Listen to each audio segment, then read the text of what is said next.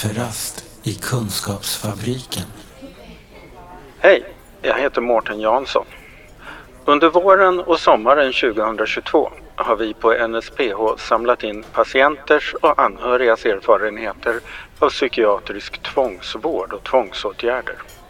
Resultatet ska vi presentera i en rapport senare i vinter. En sak som återkommer i väldigt många enkätsvar och intervjuer är att patienterna ofta upplevt personalens bemötande som kallt, ibland som nedlåtande och till och med kränkande.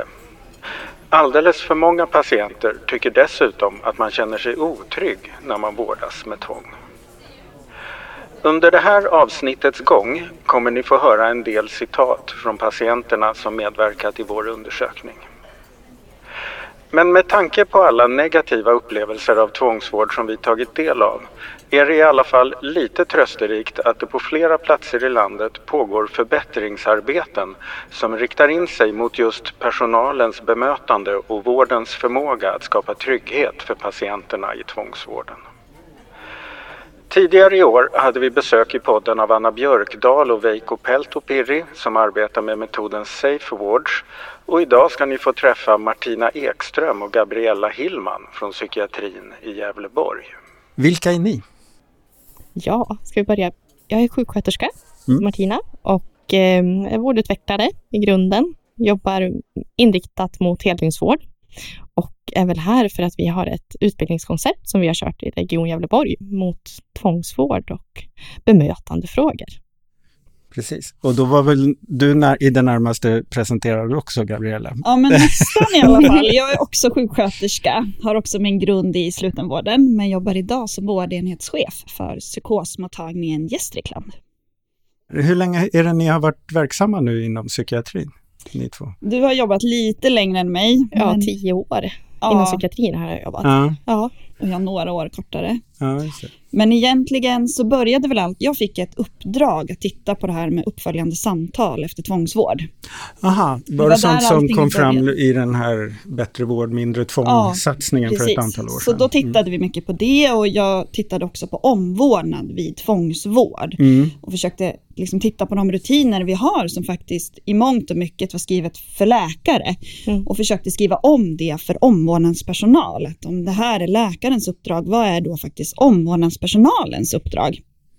Och i det så landade det till en utbildning för alla våra sommarvikarier. Aha. Det var där mm. det började. Mm. Och sen efter det så har det här spridit sig och idag träffar vi all ordinarie personal mm. i den här utbildningssatsningen. Både i slutenvården och i öppenvården. Men är det så, alltså på något sätt, det där upp, första uppdraget du fick, det blir ju också en form av jag kan säga, värdegrundsarbete. Ja. Alltså, mm. Det är en sak att man utbildar att så här, tekniker för att så här gör vi, men det handlar ju väldigt mycket om vad är det vi vill åstadkomma, vad är det för kvaliteter vi vill kunna ge. Mm. Um, det genomsyrar nog allt i våra utbildningar. Att det är väl det vi kom, vill komma åt. Det mm. handlar inte om det praktiska, exakt hur, hur lagstiftningen ser ut, även om vi nämner sådana saker också. Utan det är just det här bemötandet. Hur gör vi? Vad gör vi skillnad någonstans? Och vi mm. bryr oss på riktigt. Och hur gör man det? Men är det så att man som personal inom psykiatrin eller sluten och vården och tvångsvården inte tänker på den här komplexiteten? Eller hinner man inte det? Eller måste det krävas att man har särskilda utbildningsinsatser för att ens säga att det här är viktigt? Eller? Jag tror att alla tänker att det är viktigt. Sen är det såklart olika från person till person. Mm. Men jag tror att man måste ha en, ett forum som vi upplevt att diskutera de här svåra och vissa svåra dilemman. Ja, men hur tänker du i det där läget? Hur skulle du göra då? Ja, men jag tänker så här. Mm. Och det gör ju väldigt stor skillnad i hur man använder sig själv som verktyg i bemötandet. Med...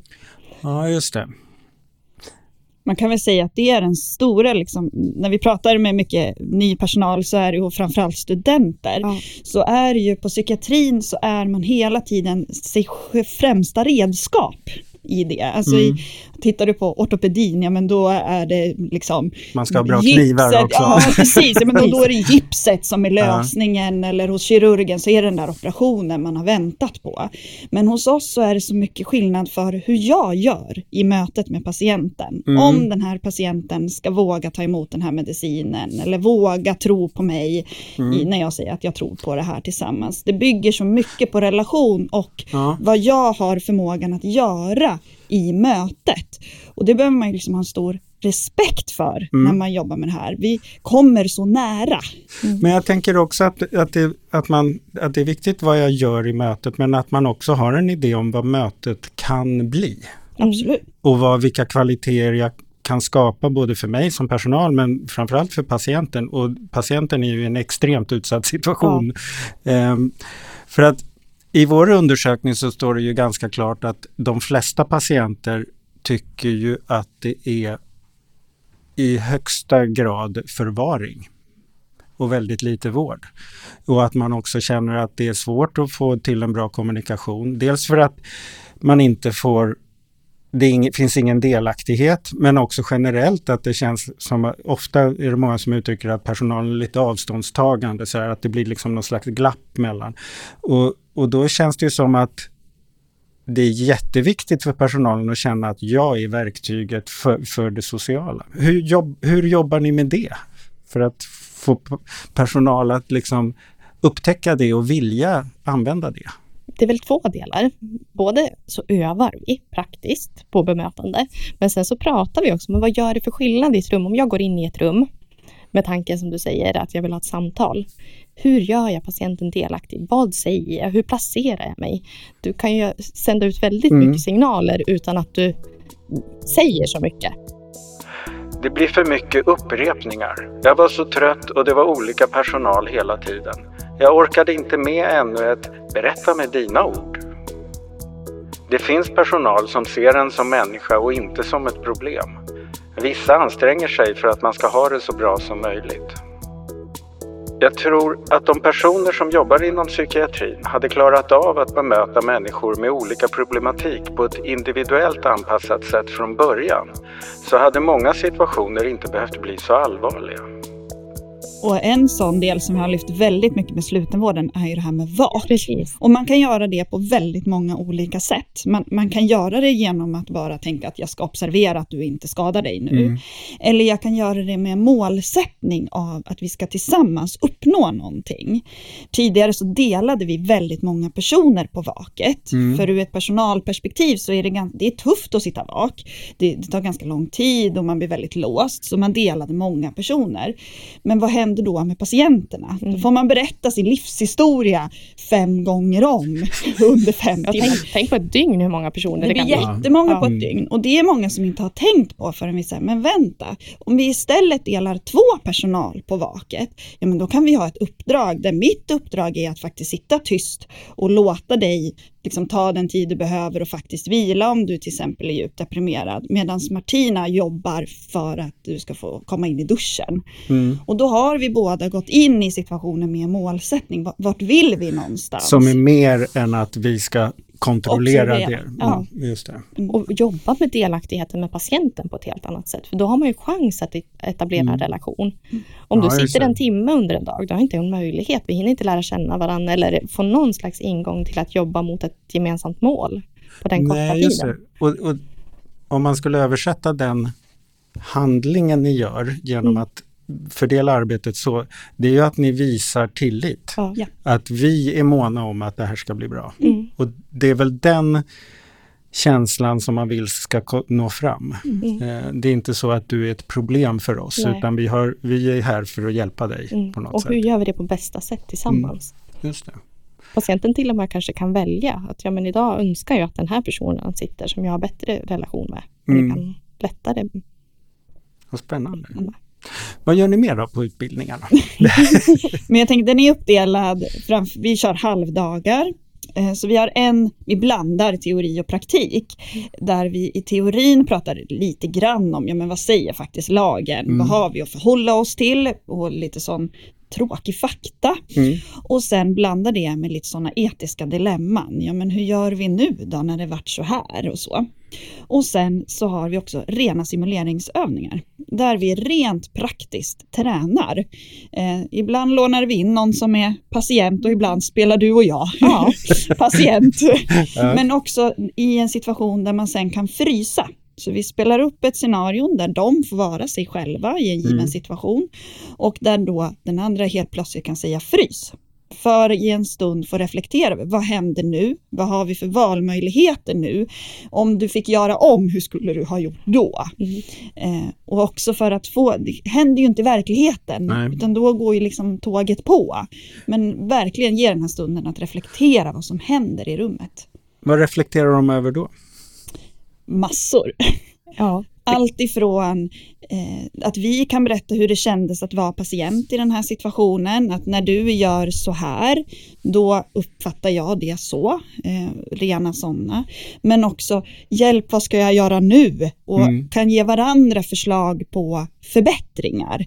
Eller liksom, ja men prova och göra sådär då, då kanske det blir bättre. Eller mm. prova erbjud det där, det har du inte testat. Och så får de testa och så får vi se vart det, vart det landar. Och goda exempel sprider sig ganska Verkligen. fort har vi märkt i personalgruppen. Mm. Ja men när hon gjorde så här, då gick det mycket bättre. Mm. Er, när ni har utbildningarna, är de som är med då från samma arbetsplats eller, eller är det blandat från det är olika? Ja, just det. Från alla våra enheter. Vi har delat på helningsvård och öppenvård. Ja, just det. Har vi gjort. Mm. För att det är lite olika inriktning på övningarna. Som patient måste man få vara mer delaktig trots att det är tvångsvård det handlar om. Och man måste få information om alla beslut som fattas. Läkarna trodde sig veta mer om mig än vad jag själv vet och de struntade i vad jag och min psykolog hade kommit fram till. Det är synd att samarbetet mellan öppen och sluten vård är nästan obefintligt. En sak som är ganska tydlig i vår undersökning är ju det här att Alltså det är inte konstigt att man är arg på att man blir tvingad. Eh, mm. Eh, men vi ser också att de flesta kan förstå varför man blev det med lite tid och så. Men att det också eh, att man inte får upprättelse på något sätt. Att det finns det här som psykiatrin inte verkar lyckas så bra med är ju att reparera förtroendet mm. efter att man har jobbat med tvång. Och då är det ju inte bara tvångsvården utan då är det ju hela psykiatrin. Eh, och vi kan se ganska tydligt att de som hittar dels en förståelse för varför det har blivit som det har blivit men också de som hittar sätt att inte behöver bli tvång i framtiden. Det är också de som utvecklar en bättre relation till psykiatrin. Mm. Och då blir ju det här med öppenvården viktigt och jag tänker att hur brukar man från öppenvården se på tvångsvården eller slutenvården? Känner man att det är något annat? Det är de som stökar till det för oss som jobbar med det här eller hur funkar det där? Jag tror det var lite så i början. Mm. Eh, vi började det här med bara heldygnsvården mm. Eh, och sen så nej, men vi vill också träffa öppenvården. Vi, vi vill få det här att hänga ihop för patienten kommer träffa oss allihopa. Mm. Och öppenvården behöver veta vad som har hänt i slutenvården och tvärtom. Så. Mm. Och i början var det nog lite så att man från öppenvården sa ah, det där med tvångsvård det var mm. ganska läskigt. Om vi bara slapp dem så skulle det, vårt det där, arbete vara mycket lättare. Ja, det där får de där, där hålla på med. Så. Eh, men jag tycker att det har blivit bättre. Mm.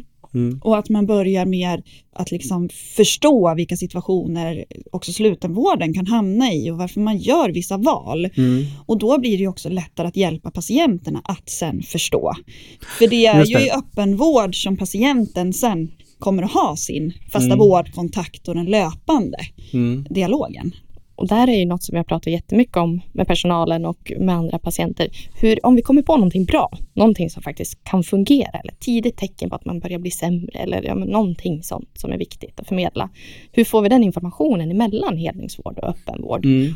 Och om man kommer in akut till våran akutmottagning, hur vet de snabbt om de där bra tipsen så att man får rätt bemötande Hur till rätt brukar person. det funka bäst för den här patienten? Precis. Har ni hittat sådana system? Eller har ni hittat rutiner för det? Jag liksom? tycker att vi har börjat närma oss. Vi har Mm. fått en helt annan dialog efter de här äh, utbildningstillfällena. Passar ju ganska bra för dig som är verksamhetsutvecklare. Ja, Mm.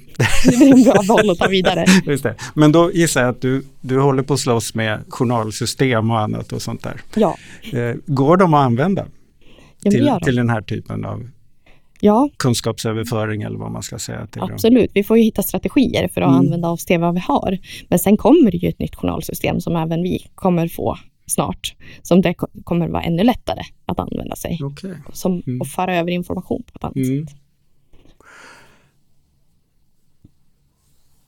Har ni lyckats utvärdera någonting om hur patienterna upplever de här nu, avdelningar där man har använt era metoder eller er kunskap? Så där. Ser, ser ni någon skillnad på patientupplevelser och personalupplevelser också för all del? Personalen har vi hunnit utvärdera. Mm. Både, det vi har hunnit med ordinarie personal, det är att de har fått utvärdera utbildningen efter de har varit på den. Så Mm. Ja, vad hade de förstås. saknat Mm. och, och lite sådär, vad skulle de önska?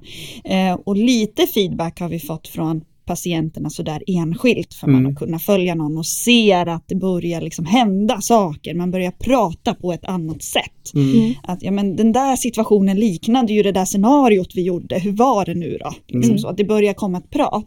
Eh, men sen tar ju det här tid.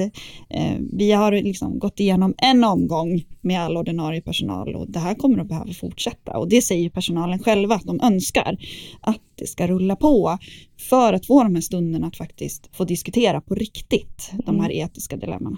Ja, dels med varandra men Ja. att de också får, tänker jag, tillfällen i sin arbetssituation att hantera de där etiska di- Ja. dilemmana. Inte Mhm. bara, alltså det är ju inte bara en diskussion som är intressant vid handledning. Nej, nej, hela utan, tiden. utan att man, eh, det man tränat på utbildningen känner man också att det finns plats för. Mm. Alltså nu, nu för jag samtal med patienter på ett annat sätt än vad jag Mm. brukade göra och sånt där.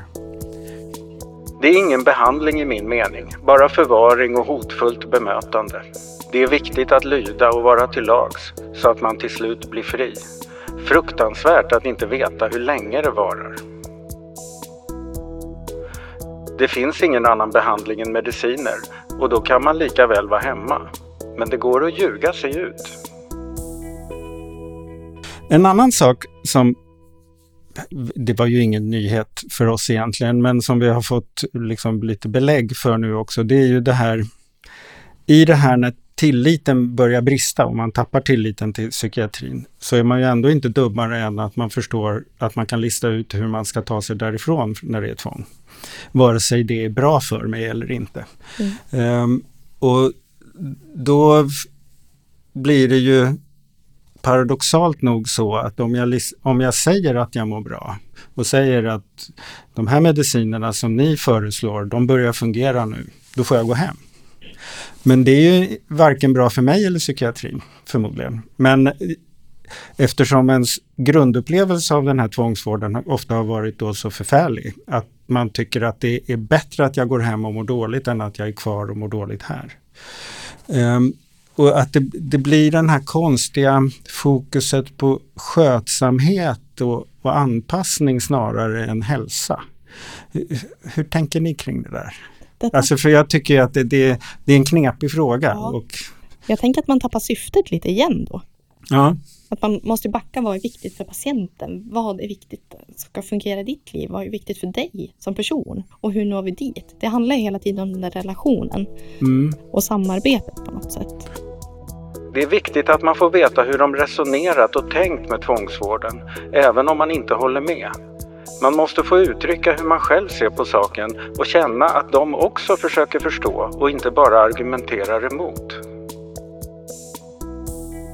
Men jag tror att, det, att, att tricket är det här när vi också får slutenvården och öppenvården att hänga ihop.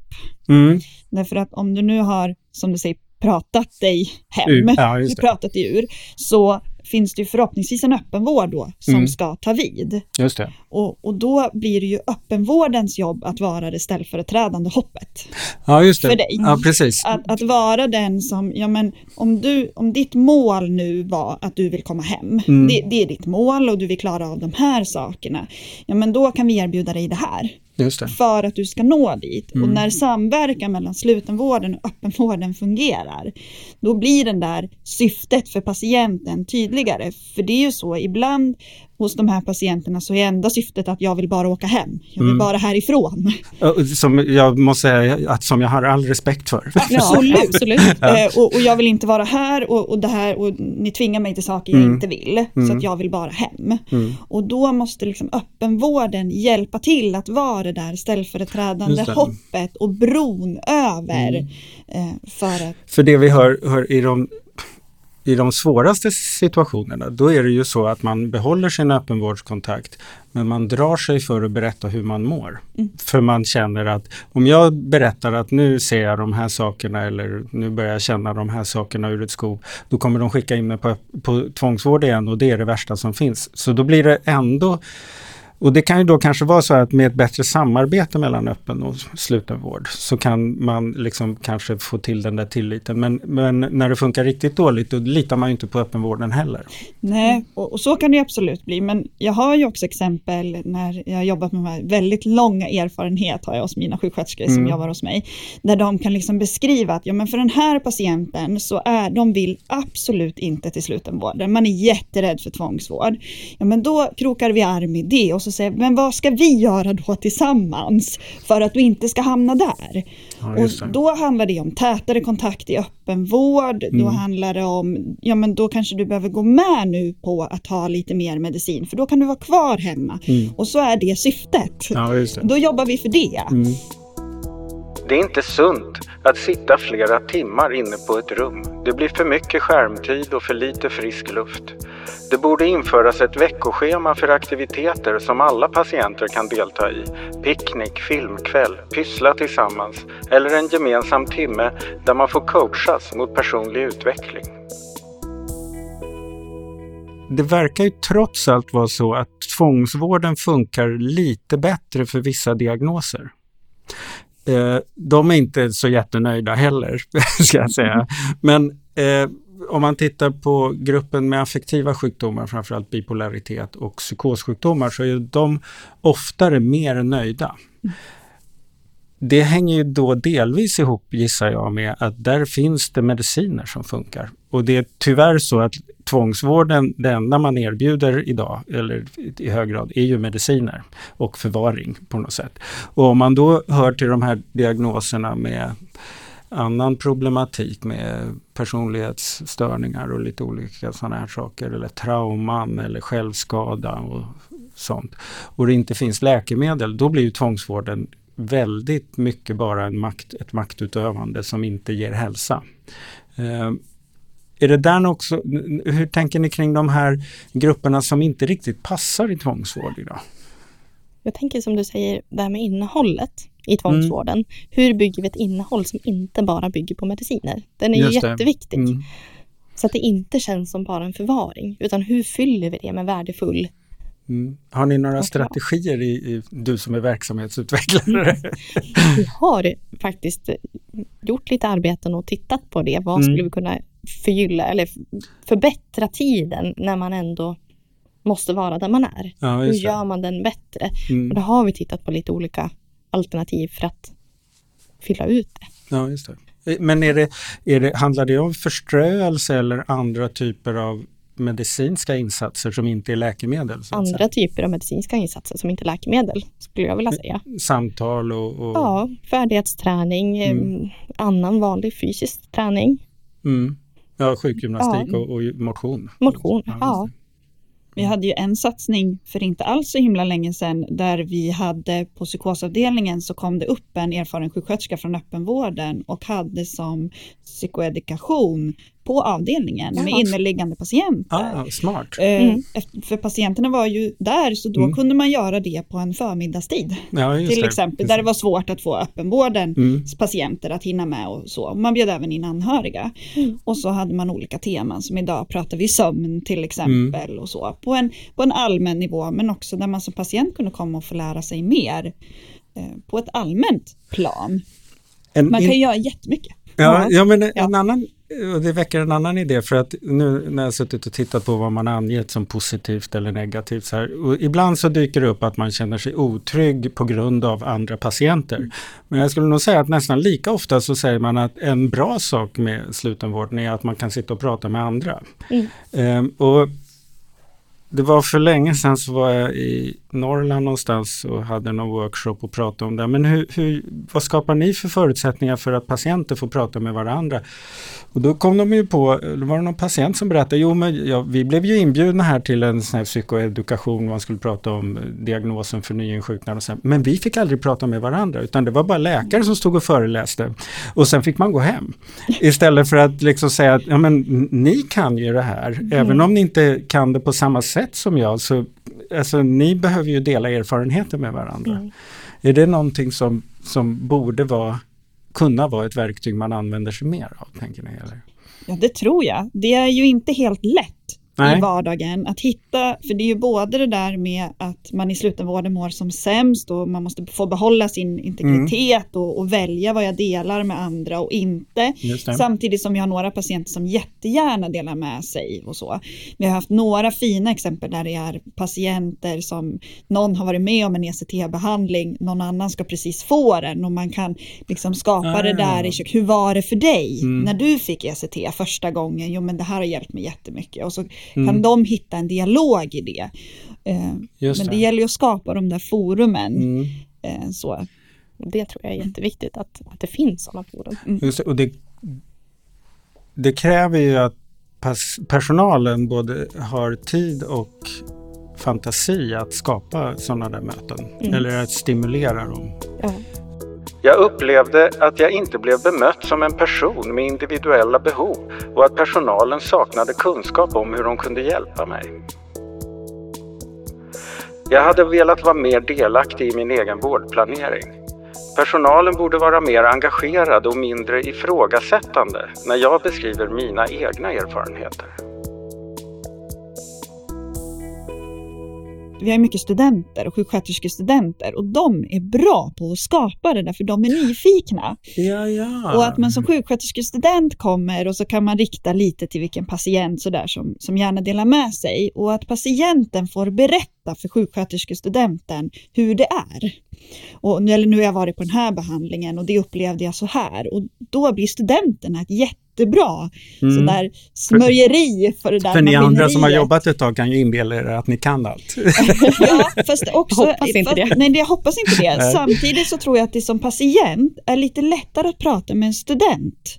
Ur Ja, perspektivet att Mm. de inte vet. Ja, just det. det Eh, de, de behöver De verkligen behöver kunskap. det och de är jätteintresserade utav det. Mm. Och man som patient blir bäst på sin Ja, Eh, historia och det gör de ju även när vi pratar med dem. Mm. Men i åt andra hållet kan vi sitta i ett läkarsamtal och, och så är Mm. vi lite snabb på att berätta facit.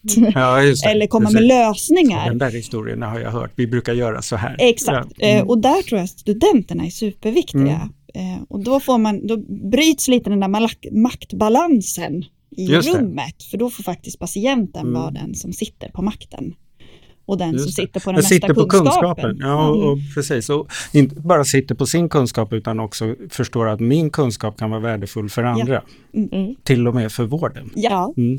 jätteviktigt. Ja. Och sen är det ju mycket hur man skapar miljön. Jag tänker, vi håller på att implementera SafeWord, så jag vet att de har Mm. varit här och pratat Ja, just det. De var med i i podden i våras. Mm. Mm. Och det är ju någonting som skapar en helt annan kultur på avdelningen. Mm. Som inbjuder till ett helt annat sammanhang.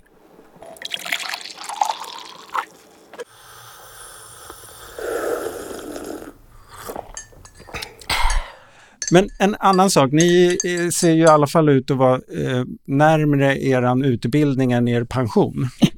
Om man säger så. Ehm, och eh, hur mycket är det här liksom en generationsfråga? Och det här säger jag inte för att jag menar att äldre personal är dålig, utan det handlar om att det är någon form av längre kulturförändring just. Och, eh, och att man också börjar uppmärksamma att vården ska kunna klara av mer saker. Um, vad är det man behöver göra sig av med då? För att ni, för det här som ni står för ska kunna få plats. Man behöver också sluta göra massa saker. Och vad är det man borde göra mindre av i vården för att lyckas bättre med det här som ni vill åstadkomma? Jag tror att det det är, det är många delar. Jag tror att om vi skulle bli bättre i vården på att våga hålla frågan själva och inte bolla emellan oss när det mm. inte är väldigt tydligt. Alltså får jag ett ärende som tydligt är mitt, ja men då är det enkelt. Mm. Men de här frågorna som inte har så tydligt, vems ansvar är det här då? Om vi skulle bli bättre på att våga hålla kvar mm. när det kanske egentligen inte är riktigt min boll, men våga hålla kvar, då skulle vi tjäna jättemycket tid. För nu bollar vi omkring ärenden och skickar ärenden mellan varandra, där vi både riskerar att patienter hamnar mellan stolarna, men det också tar jätte jättemycket tid. För både er och patienten? För både oss och mm. patienten. Eh, så det tror jag är en sån där sak, att vi skulle liksom tajta ihop oss. Mm. Eh. Är, är, det där det kommer in det här samarbetet med öppenvård, slutenvård ja, till, exempel? till, exempel? Att, man inte, att det inte är ett dike emellan utan ja. att det är samma verksamhet ja. fast med lite olika öppettider. Ja. Mm. För det är precis det som du säger. Ja, men hur lämnar jag över någonting? Om, det, om jag är helningsvården och ska lämna över något till dig i öppenvården, hur gör jag det på ett bra sätt? Eller skickar jag bara en, ett meddelande till dig och säger nu är det ditt Jag har jobb. faxat. Ja. Just det. Just det. Eller nu... ringer jag upp Ella och kollar, kan du ta det här? Jag mm. tror att den här patienten skulle behöva det här. Mm. Och vi pratade om de här sakerna som var viktiga för den. Mm. Eller ska du komma hit först så tar vi ett möte alla tre. Mm. Precis. Mm. Ja. Och, och, på psykossidan i, hos oss så har vi testat så att där där jobbar vi i team och där slutenvården är uppdelad i samma team som öppenvården. Så att en gång i veckan då har vi behandlingskonferenser ihop.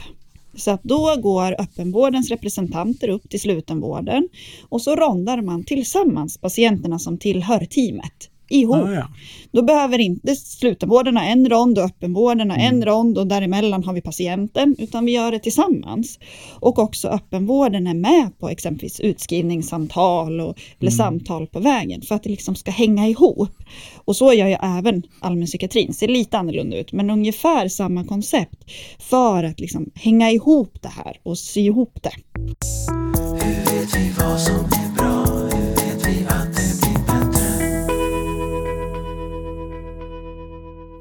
nu när ni har liksom gjort det här jobbet och liksom lärt er så mycket och eh, sett att, fått så mycket idéer.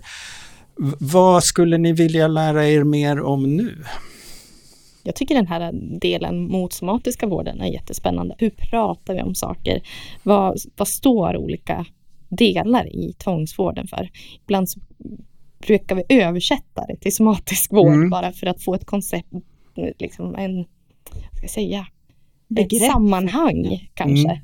Som våra bältesläggningar till exempel, som vi absolut inte, eller fastspänningar, som vi absolut inte är någonting som vi egentligen vill ha Nej. hos oss. Men ibland så blir det situationer där det krävs.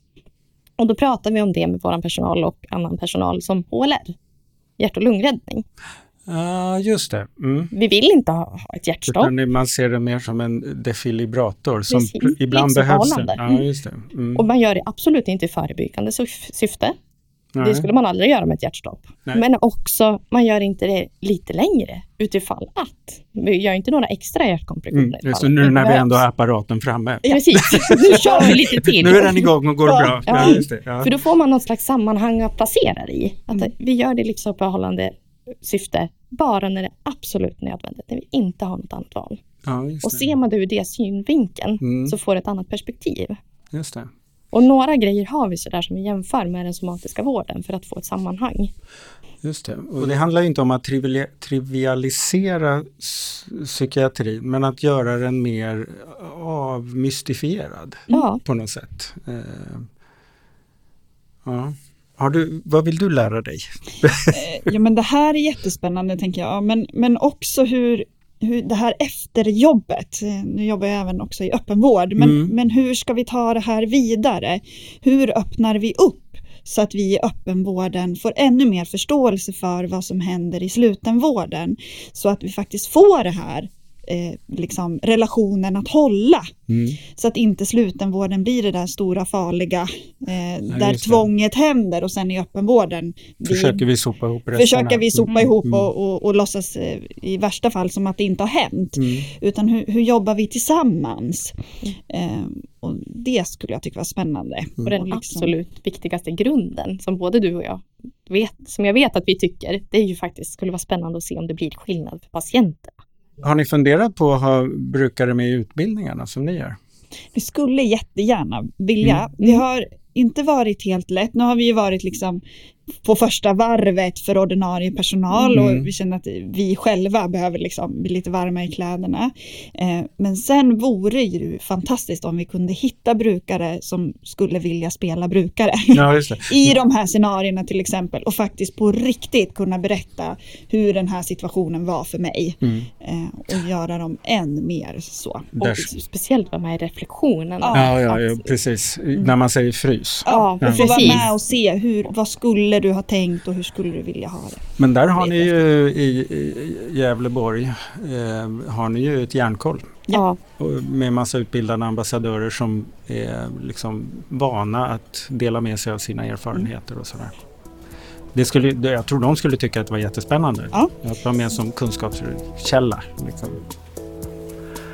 Det här vill jag få sagt till all personal. Låt patienter bestämma det de kan få bestämma när de vårdas med tvång. Vill patienten ha tre handdukar, låt patienten få tre handdukar. Men då, då skulle jag bara avsluta och säga stort tack för att ni ville ta er tid och ta er ända till Stockholm från Gävle och komma och stå här och prata med mig. Tack, det var jättetrevligt. Tack. Tackar.